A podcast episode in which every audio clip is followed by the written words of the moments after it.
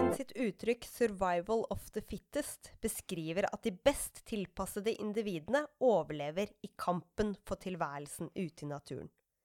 Vi mennesker har overlevd lenge, men det viser seg at våre menneskekropper er langt fra perfekte og består av en rekke deler vi absolutt ikke trenger.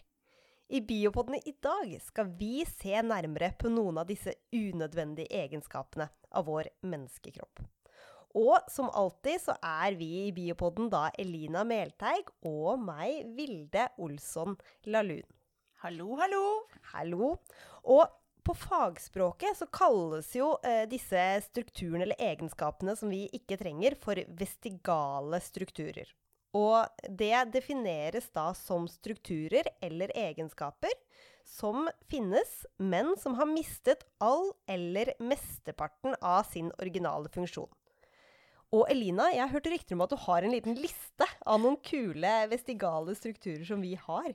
Ja, fordi jeg, jeg, dette er liksom litt sånn tatt ut ifra når jeg satt hjemme, og så tenkte jeg Hva er det jeg ikke trenger? Ja.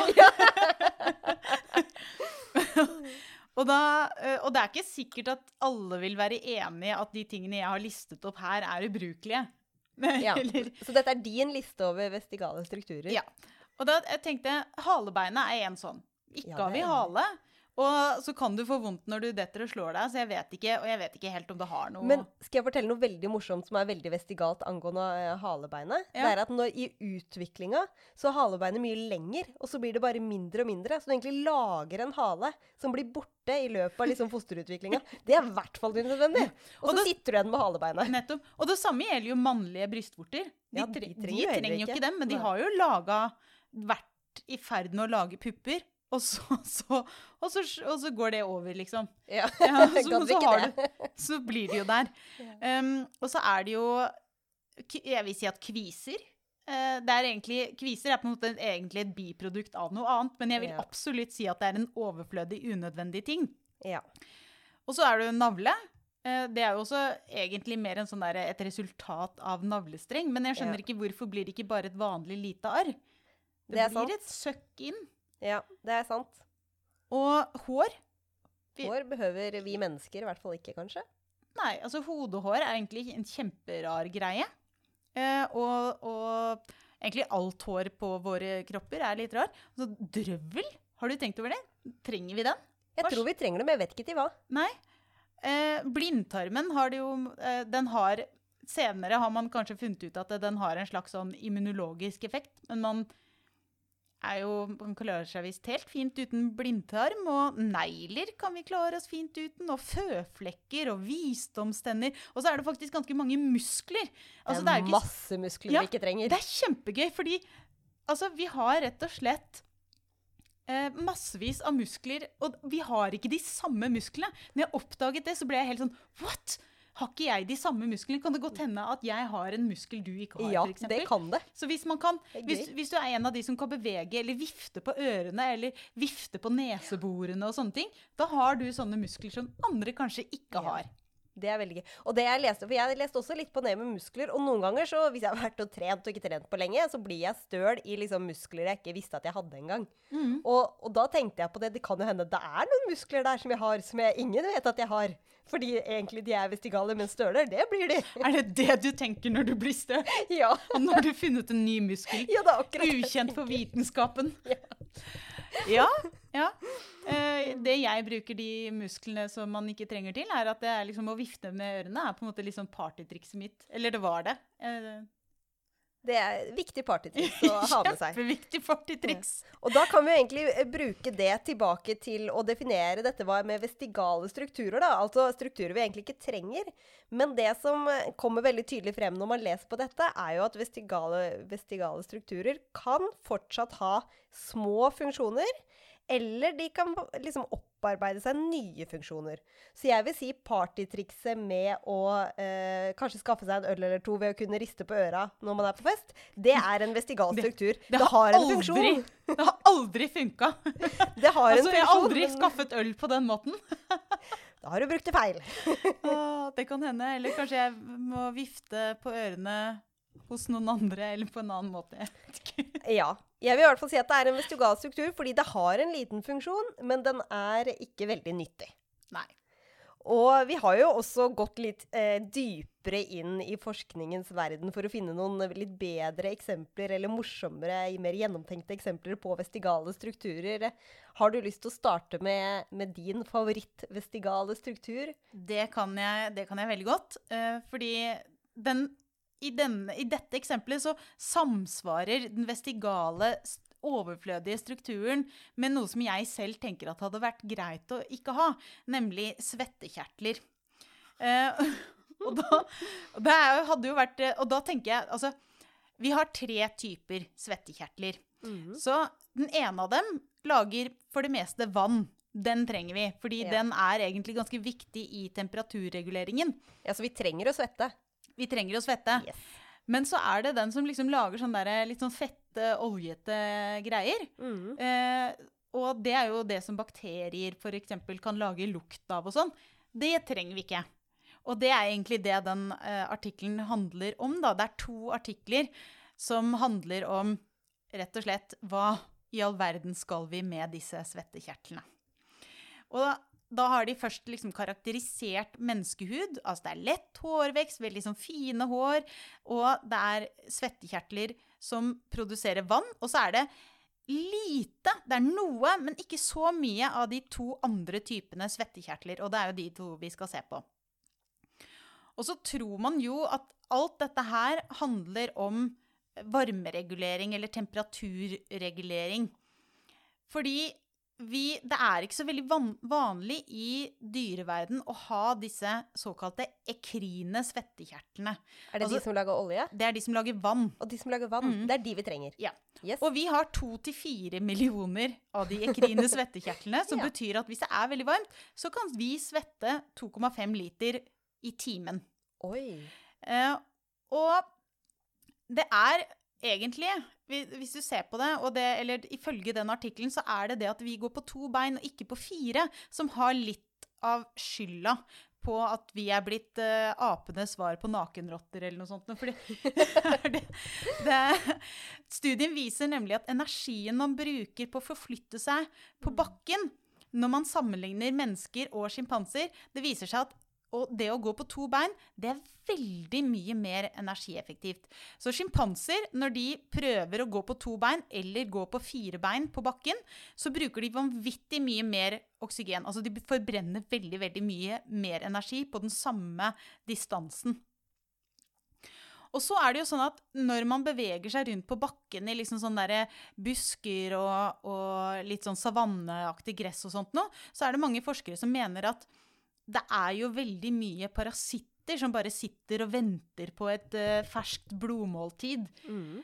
Og derfor så mener de at det var helt nødvendig for oss mennesker å rett og slett miste pelsen for å være i stand til å bevege oss rundt der. Hvis ikke så ville vi bare, vi ville blitt fulle av lus og For de ville sette seg fast i, i, I pelsen vår mens vi Ja. Ja, for du ser jo at uh, en god del aper sitter jo og plukker lus av Ja, hverandre, og de ja, ja. bruker masse tid ja. på å sitte og plukke lus av hverandre. Og de har jo pels. Og det er jo fint å, å, å slippe det.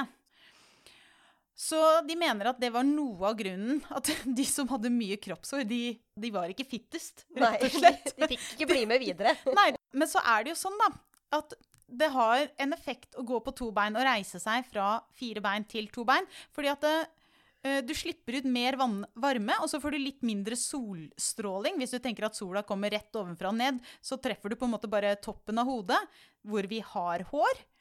Ja. Um, og så, I stedet for å liksom treffe hele ryggen. Så det betyr at det, da kunne vi også slippe å ha pels som en slags sånn solbeskyttelse. Dette går jo kjempemening. Ja. Og så påstår de også at mennesker og hester er de eneste langdistanseløperne. Da tror vi på dem. Og da er det også sånn at mennesker svetter via ekrine svettekjertler, og hester svetter via apokrine svettekjertler. Og apokrine kjertler er mye vanligere som en sånn temperaturregulerende funksjon i dyr med pels. Ja. Og Men- vi har mista pelsen, så Ja. da bruker ikke vi de lenger. Nei, men vi har fortsatt apokrine svettekjertler. Og vi har også en tredje type svettekjertler, så det er det som egentlig er så morsomt. Og en annen ting er jo at fordelingen av disse svettekjertlene på kroppen er jo heller ikke helt tilfeldig. Fordi disse vannproduserende svettekjertlene, de ekrine svettekjertlene, de har vi over store deler av kroppen. De ekrine svettekjertlene de er ganske jevnt fordelt på menneskekroppen. Og du finner veldig mye av denne typen kjertler i hårløse områder hos dyr.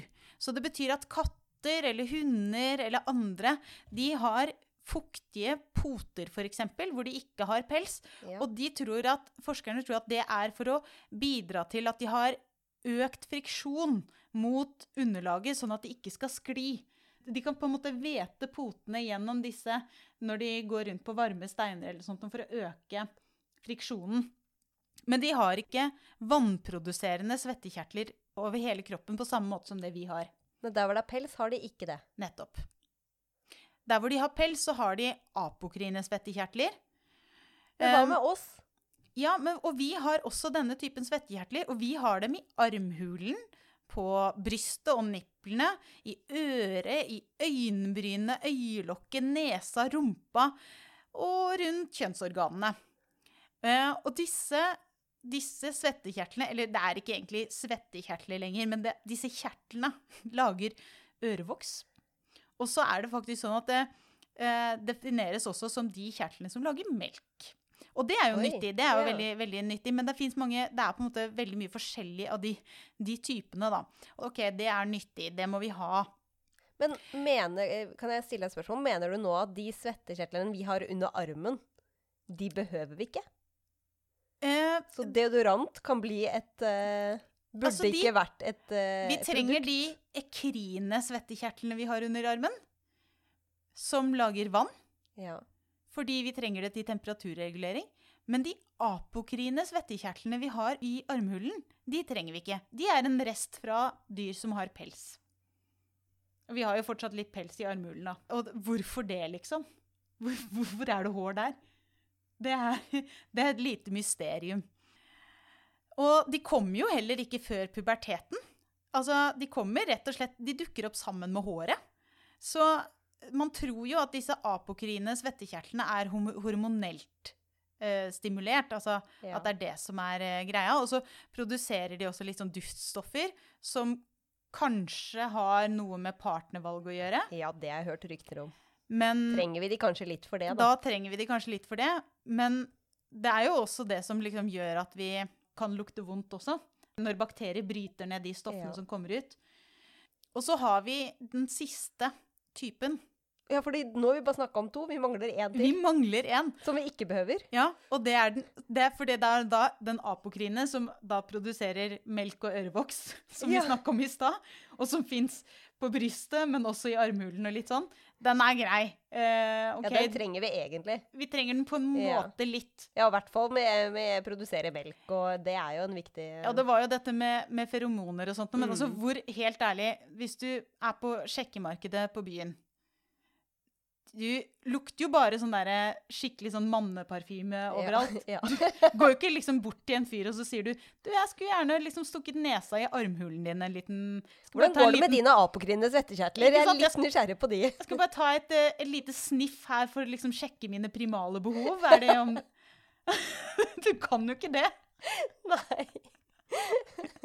Så, så det er sånn Vi trenger ikke den i våre dager, tenker jeg. Men du har den siste typen som vi ikke har snakket om, og det er den såkalte apoekrine svettekjertelen. Og det er oljeproduserende kjertler som vanligvis er assosiert med hår. Og vi har mest av dette i ansiktet og på hodet, og nesten ingenting på hender og føtter. Og disse ligger også litt sånn der i armhulene og litt sånn. Og de ligner på de ekrine svettekjertlene. Eh, men det de gjør, er at de lager liksom litt mer sånn oljeaktig Ja, det er fristende å si sekret. Ja, det hørtes ille ut. Men, men du kan få lov til å si det. Takk. Og så er jo forskerne da litt sånn der Hva skal vi med dette? Med denne Men- sekreten. Ja, men de mener at de apoekrine kjertlene spiller en rolle i temperaturregulering, det også. De har testet hva som skjer med det sekretet i ulike temperaturer. og så har de sett det at det, eh, Og det er veldig morsomt. Fordi i under 30 grader så blir den litt mer eh, rennende. Eh, og det betyr at den fordeler seg liksom jevnere over overflaten. Mm. Men over 30 grader så eh, gjør den at den på en måte eh, emulerer svette, eller den får liksom svettedråpene til å liksom samle seg litt. da. Og så tror de at dette bidrar at det apoekrine sekretet bidrar til å redusere overflatespenningen på vannet. Og så kan du si hvorfor? Hvorfor det? Ja, det var akkurat det jeg skulle si. Det er akkurat som du var inni hodet mitt akkurat nå. ja. Jeg, og Det er litt spørsmålstegn borti gangen her. ja. Og grunnen til det er fordi hvis du bor på et varmt sted, eller sitter i en badstue, og så vil du egentlig regulere ned temperaturen så effektivt som mulig, da er det om å gjøre å spre det vannet så mye utover huden som mulig. Fordi hvis den samler seg som dråper, så faller det jo bare av. Ja, så du vil utnytte vannet bedre Ja. ved å spre det utover huden, og så bruker du disse Ja. til det. Så det er akkurat det som skjer, at det, disse olje, denne oljeaktige væsken skal liksom bidra til å, å gjøre akkurat det, da. Sånn at du får utnytta vannet, eh, vannet som du svetter, bedre. Eh, og så mener man at i nordlige breddegrader eh, så har det også hatt en funksjon, men da har det hatt en litt annen funksjon. Ifølge forskerne. Og jeg syns dette var så utrolig festlig, men de mener at det, fordi det er litt sånn der, det kan ha en litt sånn vannavstøtende effekt under 30 grader, så mener de at eh, i nord og i nordlige områder så blir, blir det som å ha en sånn der, eh, slags regntøyhinne, da, som gjør at vannet ikke sprer seg utover, men at det Fordi det har da Så du holder på varmen. ja, så holder du mer på varmen, at vannet lettere renner av. Fordi den har ulike egenskaper ved ulike temperaturer. Men Så- disse hørtes jo ikke eh, unyttige ut i det hele tatt. Nei, men vi har klær. Godt poeng, Elina. Godt poeng. Og jeg vil heller ha klær enn apoekrine svettekjertler. så det er egentlig det som er. Og så er de Det må jo sies da at de er på en måte ikke De er ikke helt enige om at det har den funksjonen. Det er bare sånn Det er en observasjon at den har litt ulike egenskaper ved ulike temperaturer. Og det er akkurat sånn som med de apokrine kjertlene, som da er litt mer sånn ferom- feromonkjertlene og sånt noe, at det er sånn Ja, men vi, vi trenger egentlig ikke det i dag. Det er, eh, det er noen tusen år siden det var liksom aktuelt å begynne å sniffe rundt etter kjæreste. Det er, det er veldig sant. Det er veldig sant. Jeg, eh, jeg Men jeg syns det var en morsom forklaring. Ja. Jeg syns det var kult. Men du snakka jo litt om at alt dette eh, kommer fra at vi en gang hadde pels og gikk på fire bein. Og det er egentlig har noe med mitt eksempel å gjøre også. Kult. For det jeg skal snakke om, er at vi får jo gåsehud. Og det trenger vi ikke. Nei, det er helt sant. Det er også litt sånn derre den pelsen som er igjen. Det er den pelsen som er igjen. Og det som skjer når man får eh, gåsehud, sånn rent eh, fysiologisk, er at det er eh, i bunnen av liksom hårsekken, så er det en slags muskel. Og så når den trekker seg sammen, så står hårene ut. Og det kalles for en filoereksjon. Fordi da står liksom håret ut, og, Ja, men... og den trekker seg sammen, den muskelen. Det er egentlig rart at vi har en egen muskel som liksom har som jobb å Og lager gåsehud. Ja. Ja, det har den. Og det som eh, Det er jo noen eh, Alle dyr, eller i hvert fall mange dyr med pels, inkludert apene, får jo egentlig litt sånn gåsehud. Og man har jo forska på hvorfor, eh, hvorfor disse dyrene får det. Og eh, de får det hovedsakelig av to grunner. Det ene er at når da hårene står ut, så får man mer luft mellom hårene. Og da blir det bedre isolert. Så det er også en slags form for temperaturregulering, på en måte? En form for temperaturregulering, ja. Så det, man kan tenke at mange aper sånn bruker dette egentlig for å få, ja, for å regulere temperaturen, da, at de tar ut håret. En annen grunn som de har funnet ut til at uh, aper kan få gåsehud, er at de vil gjøre seg større i en kampsituasjon. For hvis du ser for deg at hvis du har veldig lang pels, lange hår, og alt det står ut, så blir du jo mye større. Så ofte så har de sett at eh, det å få sånn filoereksjon med liksom hårene som står ut, det har noe med en kampsituasjon å gjøre. At de, de blir stressa, de blir angrepet, de skal forsvare seg, og da gjør de det. Jeg tenker liksom at jeg Og her sitter vi mennesker, da, og får gåsehud. Ja, og med de der bitte små puslehåra som kan liksom godt gjøres å se større ut. Ja, med våre bitte små eh, puslehår. Og så kan dere tenke på at dere har en bitte, bitte liten muskel på hver hår da, som liksom får de til å stå ut når dere får gåsehud. Ja, Så kan du da, hver gang du får gåsehud, kan du tenke 'jeg er kjempesterk'. Ja, det, ja. Se på meg nå, så tøff jeg ble! Ja. Men det som er veldig gøy med akkurat det du sier nå, er at hvis du tenker over når du får gåsehud, så er det veldig ofte som en respons til sterke følelser. Du blir redd, eller du blir følsom, eller du hører noe fint, du tenker på et godt minne. Du eh, hører en fin eh, konsert, f.eks., og så får du liksom gåsehud på ryggen eller på armene fordi det var så følelsesmessig stort, da. Eller at noen drar en negl nedover en tavle. Eller at noen drar en negl. Eh, Da får du også en, en gåsehud, for det er en, en følelse du absolutt ikke liker. Så det er liksom relatert til følelsene våre. Og det å få gåsehud er eh, relatert til det vi kaller for fight or flight. Altså den responsen som kroppen din har når du blir liksom utsatt for fare. da. Egentlig, hva gjør jeg nå? Og det går jo på instinkt. Det er jo noe du selv ikke velger.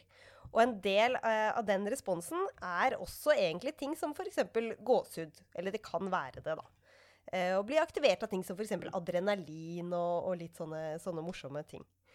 Og det jeg syns var det morsomste med gåsehud, som da er en ting vi absolutt ikke trenger, fordi vi ikke skal slåss, og ikke trenger vi noe insulasjon eller bedre termoregulering heller. Men Som er varmeregulering. som er varmeregulering. Det er bra du hjelper til med ordene her. Men det var da noen forskere som har funnet ut at eh, noen mennesker kan aktivere denne filoereksjonen selv. De kan bestemme seg for nå skal jeg få gåsehud. Og så får de gåsehud. Det er partytrikset sitt, det. Det er partytrikset. Og det som er så spesielt med dette, er jo nettopp det at det skal egentlig være en, et instinkt. Det skal være noe som bare skjer med kroppen din når du er utsatt for en spesiell følelse eller en eh, Og så skal det bare skje. Det er ikke meningen at man skal klare å liksom bestemme seg for å få gåsehud. Det er det samme som at du skal bestemme deg for å, å bli redd, f.eks. Det er jo noe man bare blir. Men disse forskerne har funnet ut at det er en ting som, som er med noen mennesker, at de bare kan bestemme seg for å få gåsehud. Og så begynte de å lese litt på dette. Disse forskerne fant ut at Det var ikke gjort så veldig mange studier på det. Det var liksom nevnt litt her og der, men man hadde ikke gjort en sånn stor studie på hva, disse, hva er det med disse folka som kan få gåsehud. Og så tenkte de dette skal vi finne ut av. Så de eh, jobba på et universitet, og så sendte de ut meldinger på Facebook og sosiale medier med en overskrift hvor det var sånn Kan du bestemme deg for å få gåsehud? Hvis svaret er ja, kontakt oss. Og de fikk mange studenter som, og ansatte som ville være med og, og finne ut av hva er det med disse eh, individene som kan bestemme seg selv for å få gåsehud. Og det jeg synes var mest morsomt, eller noe av det de gjorde, var jo da selvfølgelig å sende ut litt spørreskjemaer og spørre hva, hva gjør dere, hvordan får du gåsehud, hvordan beskriver du det? Og de aller, aller fleste de kunne eh, beskrive det å få gåsehud, eller hvordan de liksom bestemmer seg for å få gåsehud, som eh, Jeg bestemte meg for å få gåsehud, så da, da kom de. Og når jeg leste det, og det var mange av de, og alle disse studentene eller de som var med, skrev, beskrev sånn ja, Jeg tenkte på hvordan det var å ha gåsehud forrige gang, og så da bare fikk jeg de. Tenkte på at jeg ville ha gåsehud på ryggen, og så kom de. Så jeg satt når jeg leste på dette, sikkert ti minutter, og tenkte er jeg en av de personene? Kan jeg sitte og bestemme meg for å få gåsehud? Er du det? Nei! Men jeg, må men jeg måtte prøve. Å, nå ble jeg kjempe sånn Nå ble jeg skikkelig sånn der Å, tenk om du er det! Tenk om du kan bare Så sitter du der og liksom bare sånn Men jeg s- måtte pusher hårene opp med tankekraft. Men det er akkurat sånn det føles ut som, for det er en ting som ikke skal gå. De kan tenke seg til å få gåsehud. Og hvis du da sitter og hører på og lurer på om du er en av de personene, så tenk om du kan bestemme deg for å få gåsehud. De beskriver at ofte så starter det liksom ved ryggregionen, og så sprer det seg til armene. Og du skal kunne klare å bestemme deg for å få det, og så skal du få gåsehud. Nå må jeg rett og slett prøve. Da er du et spesielt individ, og du er sykt tøff. Elina klarer det ikke, det klarer ikke jeg heller, men det er faktisk en god del mennesker. Nei, jeg sitter jo her og liksom bare prøver å presse hårene opp, liksom, for det går ikke. Jeg klarer ikke. Hvis du kan det, så er det i hvert fall noen forskere, Heathers et al. 2018, som har lyst til å høre fra deg. For det de gjorde, var å spørre alle disse personene som da klarte å få gåsehud, eh, om hvordan selvfølgelig de, de gjorde det, og så tok de en personlighetstest.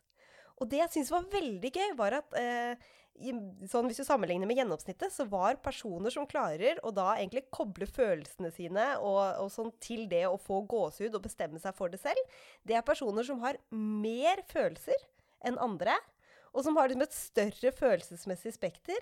Og det er også generelt personer som ikke er redd for å prøve nye ting og ta sjanser og teste ut liksom alternative varianter av livet. Så det var kjempegøy, men det var en veldig fellesnevner som de fant ut av med personer som da klarer å gjøre den veldig unyttige tingen, som er å få gåsehud til seg selv. Og så tenker jeg, hva sier det om oss, eh, Vilde, som ikke får det til? Er vi, vi har jo Vi er dønn kjedelige. vi kan ikke gjøre noe med dette. eh, Nei, Vi har rett og slett ikke den egenskapen. Vi har ikke den egenskapen. Men det er veldig gøy at noen har det. Sykt kult. Jeg, jeg har jo altså et eksempel på, um, på eh, Altså det, det organet som er mest kjent for å være litt unødvendig, det er jo blindtarmen. Ja, den trenger vi vel ikke så mye. Nei. Og så har man i senere eller nyere tid funnet ut at OK, den har kanskje noe med immunforsvaret å gjøre. Muligens. Eh, men, eh, men det er litt sånn, ja. Eh, og det er et sånt eh, organ til. Så den artikkelen jeg eh, har funnet, den handler om milten. Det er et organ som jeg tenker, det vet jeg ikke hva er. Nei. Og det er veldig vanlig å ikke vite noen ting om milten. Så her kommer en artikkel som rett og slett har et slags sånn historisk oppsummering om hva folk har trodd om Milton. Oi, så gøy! Og med litt sånn relasjon til eh, nyere tid. Men før jeg setter i gang, så vil jeg bare si at Milton er en slags såkalt lymfatisk organ som har noe Den ligger liksom innskutt i blodbanen. Og det er litt sånn på samme størrelse som en nyre. Og når du er et foster, så bidrar den til å danne blod. Eh, Men den gjør jo ikke det hos voksne. Så barn trenger, eller fostre trenger milten, men ikke voksne. Ja. Yes. Men så er jo litt av greia at det, de- ser jo allikevel at hos folk som har, hvor de har tatt ut milten, så ser de at ok, det har noe, en eller annen form for immunforsvar eller immun, immunologisk funksjon. Eh, og så tror de også at det, den hjelper til å kvitte seg med, kvitte oss med gamle blodceller. Så den er jo, den gjør jo noe, men den er overhodet ikke livsnødvendig. Men hvis du snakker med folk som da har tatt ut milten, så, så vil du også få greie på at eh, hvis de da får en bakterieinfeksjon, så har de større sjanse for å få komplikasjoner. Men, eh, men det er altså ikke noe sånn én-til-én-forhold her. Det er bare en økt risiko, rett og slett. Og milten den ligger liksom midt inne mot venstre eh, i, i, i bukhulen vår. Så, og den er sånn cirka på størrelse med hånda, eller sånn 10-12 cm. Er den så stor? Ja, ja. Så den er jo eh, Og så varierer den mellom 120 og 200 gram. Dette står på Store norske leksikon. Men det som da er gøy, som de har sett på, er at det er jo ikke bare moderne, i moderne tid at man har litt, vært litt sånn Hva i all verden er dette for et organ? Hva, det, hva gjør det? det? Sånn har det vært. Så man har lurt på det lenge. Det har man lurt på, på lenge. Eh, og, og de første beskrivelsene går helt tilbake til oldtiden, så noen har åpna opp og kikka, Ja. for å si det på den måten. um, og de trodde lenge at det hadde et eller annet med fordøyelse å gjøre, og så trodde man at det hadde noe med, med humør å gjøre. Og den absolutt eldste beskrivelsen, den er jo fra 1500 år før Kristus. Det er mange år siden. Ja. Hva trodde de det var da? Det, jeg ble veldig spent. Ja, I Talmud, som er en, um, en uh, jødisk tekst, der mente man at Milton har ansvar for latter. Det er det organet som produserer For latter. Ja, det er veldig hyggelig. Nå, det var skikkelig koselig. Ja. Og i tradisjonell kinesisk medisin eh, så er Milton et såkalt sang-fu-organ. Jeg vet ikke om jeg uttalte det riktig. Og det betyr? Det er rett og slett en av yin-organene i sånn yin og yang. Og yin-organene, det er da hjerte, lever, milten, lungene og nyrene. Så alle de kjempeviktige, og Ja. milten. Ja, Og så har du yang-organene, som er galleblæren, magesekken, eh, de små og de store innvollene, blæra. Og så har du Hippokrates, eh, og det er han som kom, lanserte den eh, såkalte humorologien. Altså dette med at kroppen er i balanse hvis du har liksom riktig mengde av ulike væsker. Og av de, en av de væskene var jo blod, men så hadde du også svart galle. Og det mente man at ble produsert i milten. Og svart galle på Jeg husker ikke om det er eh, gresk eller latin, men jeg tror kanskje det er gresk. Det er melankoli. Okay. Så man mente at hvis du hadde for mye svart galle fra milten din, da ble du lei deg og melankolsk. Så det er der, eh, der det ordet kommer fra. Det er så søtt. Ja, det er jo litt søtt. Eh, og Platon mente at milten holder leveren ren, og Aristoteles mente at, eh, at noe lignende at Og her står det 'en bastard liver'. Dette er jo da skrevet på engelsk, men eh, ja. Det har vært et forundringsorgan da, i mange, mange, mange år. Rett og slett et forundringsorgan. Men eh, Og det har jo på en måte vært litt sånn derre De har jo drevet og tatt det ut, og så tok det jo litt tid når de liksom skjønte at nei, det er greit å la det være der. Men det er på en måte alt, alt det rare man har tenkt at milten er. Og man har jo visst om det i lang tid, og så har man bare til slutt endt opp på at ja, det har nok en slags funksjon, men det er ikke livsviktig. Du klarer deg helt greit. Jeg, mitt eh, siste eksempel, er du, har du mer mildt fact? Nei, det er jo egentlig eh, husk, å, husk å være glad, fordi eh, Milton er ansvarlig for melankoli. og latter. Du var jo inne på Ja, litt det er av det samme, da. Ja, ja. Det var jo litt, eh, litt spennende. Men jeg syns det er veldig rart at de trodde det. At det liksom sånn Ja, følelsene våre må ligge der. Men jeg liker det. Da hadde de et sånt bilde av at kroppen var ett. Ikke at liksom Uh, Ja, at liksom tanker og følelser hørte sammen med resten av kroppen vår. Mm. syns det var en fin, uh, fin ting. Man kan kanskje si at det er like absurd at vi tenker at følelsene ligger i hjertet. Ja. At det liksom, de kan like gjerne være i milten. Fra nå av, hos oss i Biopodden, ligger følelsene i milten. ja. ja. Men jeg har også funnet et eksempel på en liksom struktur vi har, da, hvis vi skal si at Milton kan få lov til å være en struktur, men en struktur vi har som vi absolutt ikke trenger. Og det er at vi har restene etter et tredje øyelokk. ja. Fordi Det er hvis du ser liksom på øynene eh, mine eller dine, eller hvis du ser inn i et speil, så ser du den bitte lille klumpen som ligger liksom innerst, innerst i øyet. Og det er egentlig restene etter et tredje øyelokk, som våre forfedre, for mange, mange, mange, mange før vi var mennesker, hadde. Hva, hva gjorde vi med det? Og det er jo veldig gøy, for det er mange dyr i dag som har et tredje øyelokk, og du har helt sikkert sett dem uten å egentlig tenke så veldig mye over dem. For et tredje øyelokk, det er, eh, i tillegg til de to som går opp og ned når vi blunker, så er det tredje øyelokket det som går liksom horisontalt på dyr og dekker hele øyet. Å ja.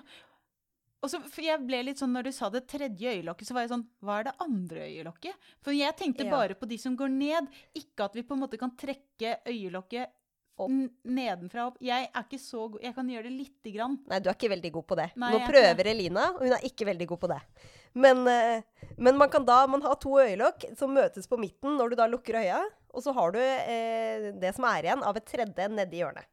Og noen dyr, inkludert reptiler, fugler, også faktisk haier, har da dette tredje øyelokket. Og mange pattedyr, som f.eks. katter, har også deler, kaniner har deler av dette tredje øyelokket, som egentlig da går horisontalt fra liksom innsiden, nesesiden, og utover, og da kan dekke eh, resten av øyet.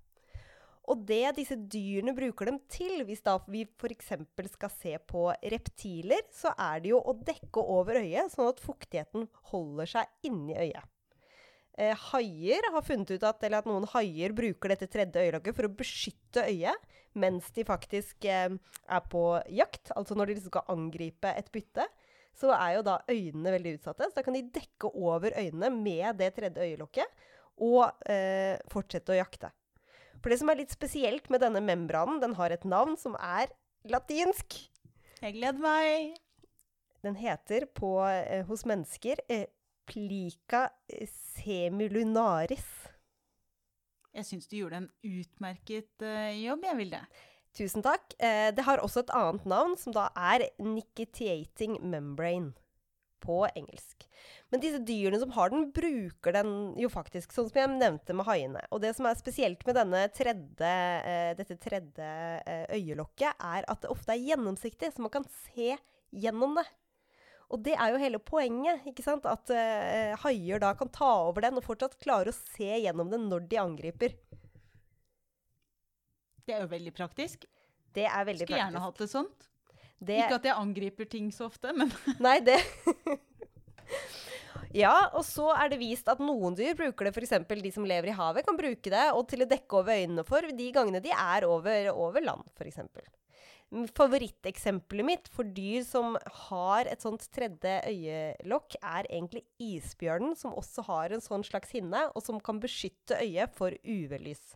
Så det ikke får sånn snøblindhet. Å, det var smart. Det er veldig smart. Og så kom vi til oss mennesker. Hadde jo vært deilig å ikke bli, bli snøblind på, på, når vi er på hytta eh, i en fin påske. Eller kunne dykke med øynene åpne under vann. Eller ikke åpne, da. Ha øynene lukket, men se gjennom. Ja, Og ha liksom det tredje øyelokket igjen, sånn at man kan se gjennom, men fortsatt være under vann. Nettopp. Hadde vært uh, veldig behagelig, men det kan vi ikke. Det eneste vi har fått igjen, er en bitte liten klump innerst i, uh, i øyehulen der inne. Men hva, hva hadde skjedd hvis uh, altså Går det an å bli født uten den klumpen? Nei, men det er veldig gøy at du spør, for det paperet jeg har med meg, det er en artikkel som ble publisert i 2017. Heralgi et al. Og de har faktisk studert en jente som ble født med et tredje øyelokk. Altså et helt tredje øyelokk. Nesten helt. Jeg tror det står at det dekte to tredjedeler av øyet. Ja, fordi vi har jo også et tredje øyelokk, den lille klumpen, da. Men bare ikke noe Det er ikke noe å snakke om. Det er ikke noe bruk, nei. Nei. Bruk for det. Og det som visstnok eh, man har funnet ut av med dette tredje øyelokket, er at under fosterutviklinga så utvikler vi alle et tredje øyelokk som dekker relativt store deler av øyet. Men når øyet blir større og større, når vi da eh, fosteret blir større og større, så blir ikke dette tredje øyelokket noe mer utvikla, og til slutt så bare skrumper det inn til en sånn liten klump. Men det har det da ikke gjort med denne jenta. Og hun er eh, Jeg tror de har sagt at de har hørt om et sånt tilfelle én eller to ganger før, men det er en veldig sjelden ting at dette tredje øyelokket faktisk utvikler seg. Så hun ble født da med et tredje øyelokk som var da dekket over to tredjedeler av øyene, som gjorde at hun mista og jeg tror det var opptil 80 av synet sitt. Oi. Så hun så veldig lite. Og de visste ikke hva det var som var feil med henne. Man klarte liksom ikke å se hva det egentlig var. Så hun gikk da fra hun var født til hun ble ni år med dette tredje øyelokket over øyet sitt, og kunne da se veldig, veldig dårlig. Man trodde jo lenge at det var liksom noe feil med øyet hennes, øyefunksjonen og alt. Men til slutt så kom hun til noen spesialister da, som begynte å studere øyet hennes, og så så de at bak denne hinna fungerte øyet som det skulle. Øyet, liksom, eplet, det bevegde seg, hun hadde alle komponentene man trengte. Og så kom man frem til at kanskje det er det som de bare har hørt om en gang før eller to ganger før i historien. At det tredje øyelokket faktisk har liksom klart å komme over øyet, dekke for øyet, og i motsetning til da mange andre dyr, var det ikke gjennomsiktig nok da, til at hun faktisk kunne se gjennom det. Så når hun da var ni år, så gjennomgikk hun en operasjon, tok vekk eh, det tredje øyelokket, og så fikk hun tilbake så å si mesteparten av synet sitt. Og det var jo superbra. Det var veldig, en veldig fin historie som liksom endte godt. Ja, jeg syns det var liksom eh, et eksempel på noe vi ikke trenger, som kan være litt ødeleggende, men som da har en løsning. Man kan operere det bort og få tilbake eh, synet sitt. Så jeg syns det var eh, gøy å se at en struktur faktisk kan ødelegge litt for oss. Eh, I tillegg til å bare være der. Eller for de fleste av oss at den bare er der, og vi trenger den ikke. Men for noen så, så kan den være litt ødeleggende. Det er litt gøy eh, at du sier det, fordi at eh, jeg har en fun fact, faktisk. Oi. Som er litt eh, knytta til noe som noen får. Og det er ikke noe sånn at det er, ikke, det er stort sett ikke til hinder for de som får det. Men det kan være det fordi du kan få infeksjon i det. Og jeg snakker om et ekstra hull. OK. Og det ekstra hullet er ikke hvor som helst. Det heter en preaurikulær sinus. Vil du gjette hvor det er? I øret. Ja, det er foran øret, Er det sant? som regel. Men det kan også være like over øret, eller faktisk også rett bak. OK. Og uh, det er ikke Det var bra gjetta. Ja, det var veldig bra gjetta.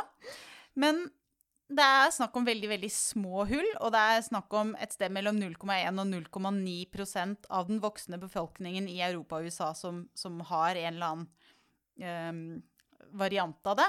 Og så er det litt vanligere i Afrika og Asia av en eller annen grunn. Uh, og det er bare at du har et, et ekstra hull, rett og slett. Bitte, bitte, bitte lite hull. Og det er litt oftere hos kvinner enn hos menn. Og så er det De ser at det har en tendens til å være bitte lite grann arvelig også.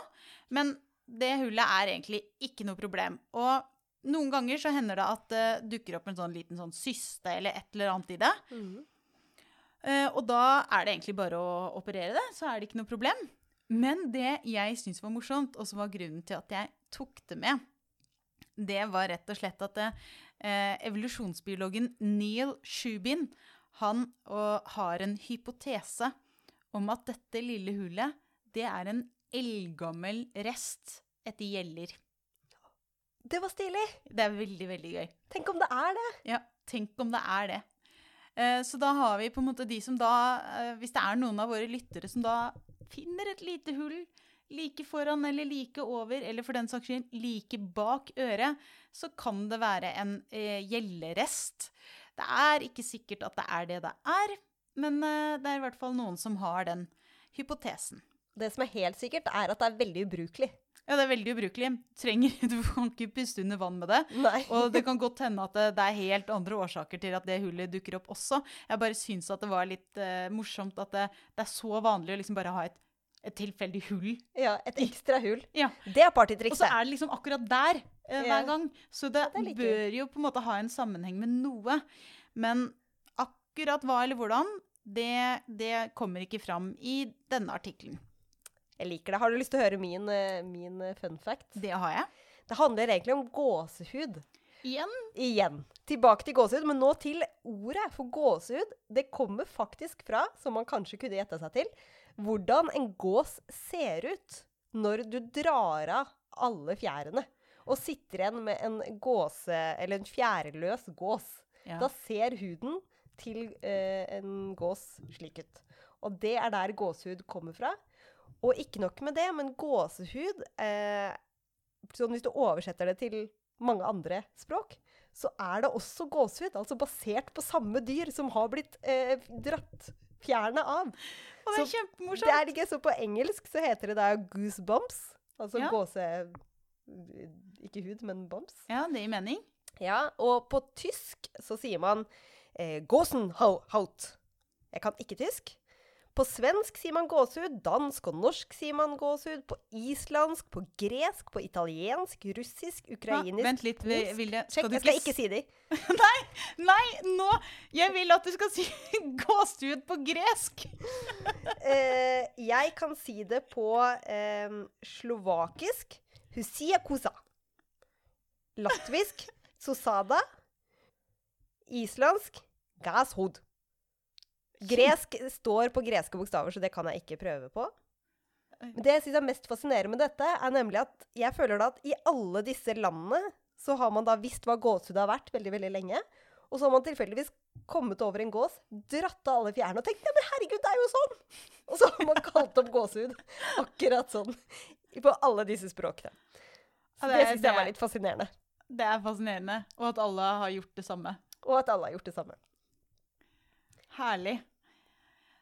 Men da tror jeg at det var eh, våre, våre, å- vår oversikt over ubrukelige ting som vi har. Som vi ikke egentlig trenger, men som kanskje har En minifunksjon. en minifunksjon. Um, i, men at vi ikke trenger det egentlig sånn i moderne, vår moderne verden. Og med det, og jeg tror vi kunne helt sikkert laget en hel episode til, for det er ganske mye Mange eksempler vi valgte bort denne gangen. Vi er- har mye ubrukelig å ta av. ja, det er det. Er det. Det er for eksempel. Ja, det kunne vært en Jeg har mange av de, skulle ønske jeg var vis. Var ikke det. Var ikke det det kom fra. Så med det så tror jeg at vi skal eh, takke for oss. Og så må vi bare si lik og del. Og så er du selvfølgelig velkommen som medlem i Norsk biologforening. Tar imot alle vi som har lyst til å være med og, og være medlem og henge med oss. Det stemmer. Rett og slett. Så takk for i dag. Ha det bra.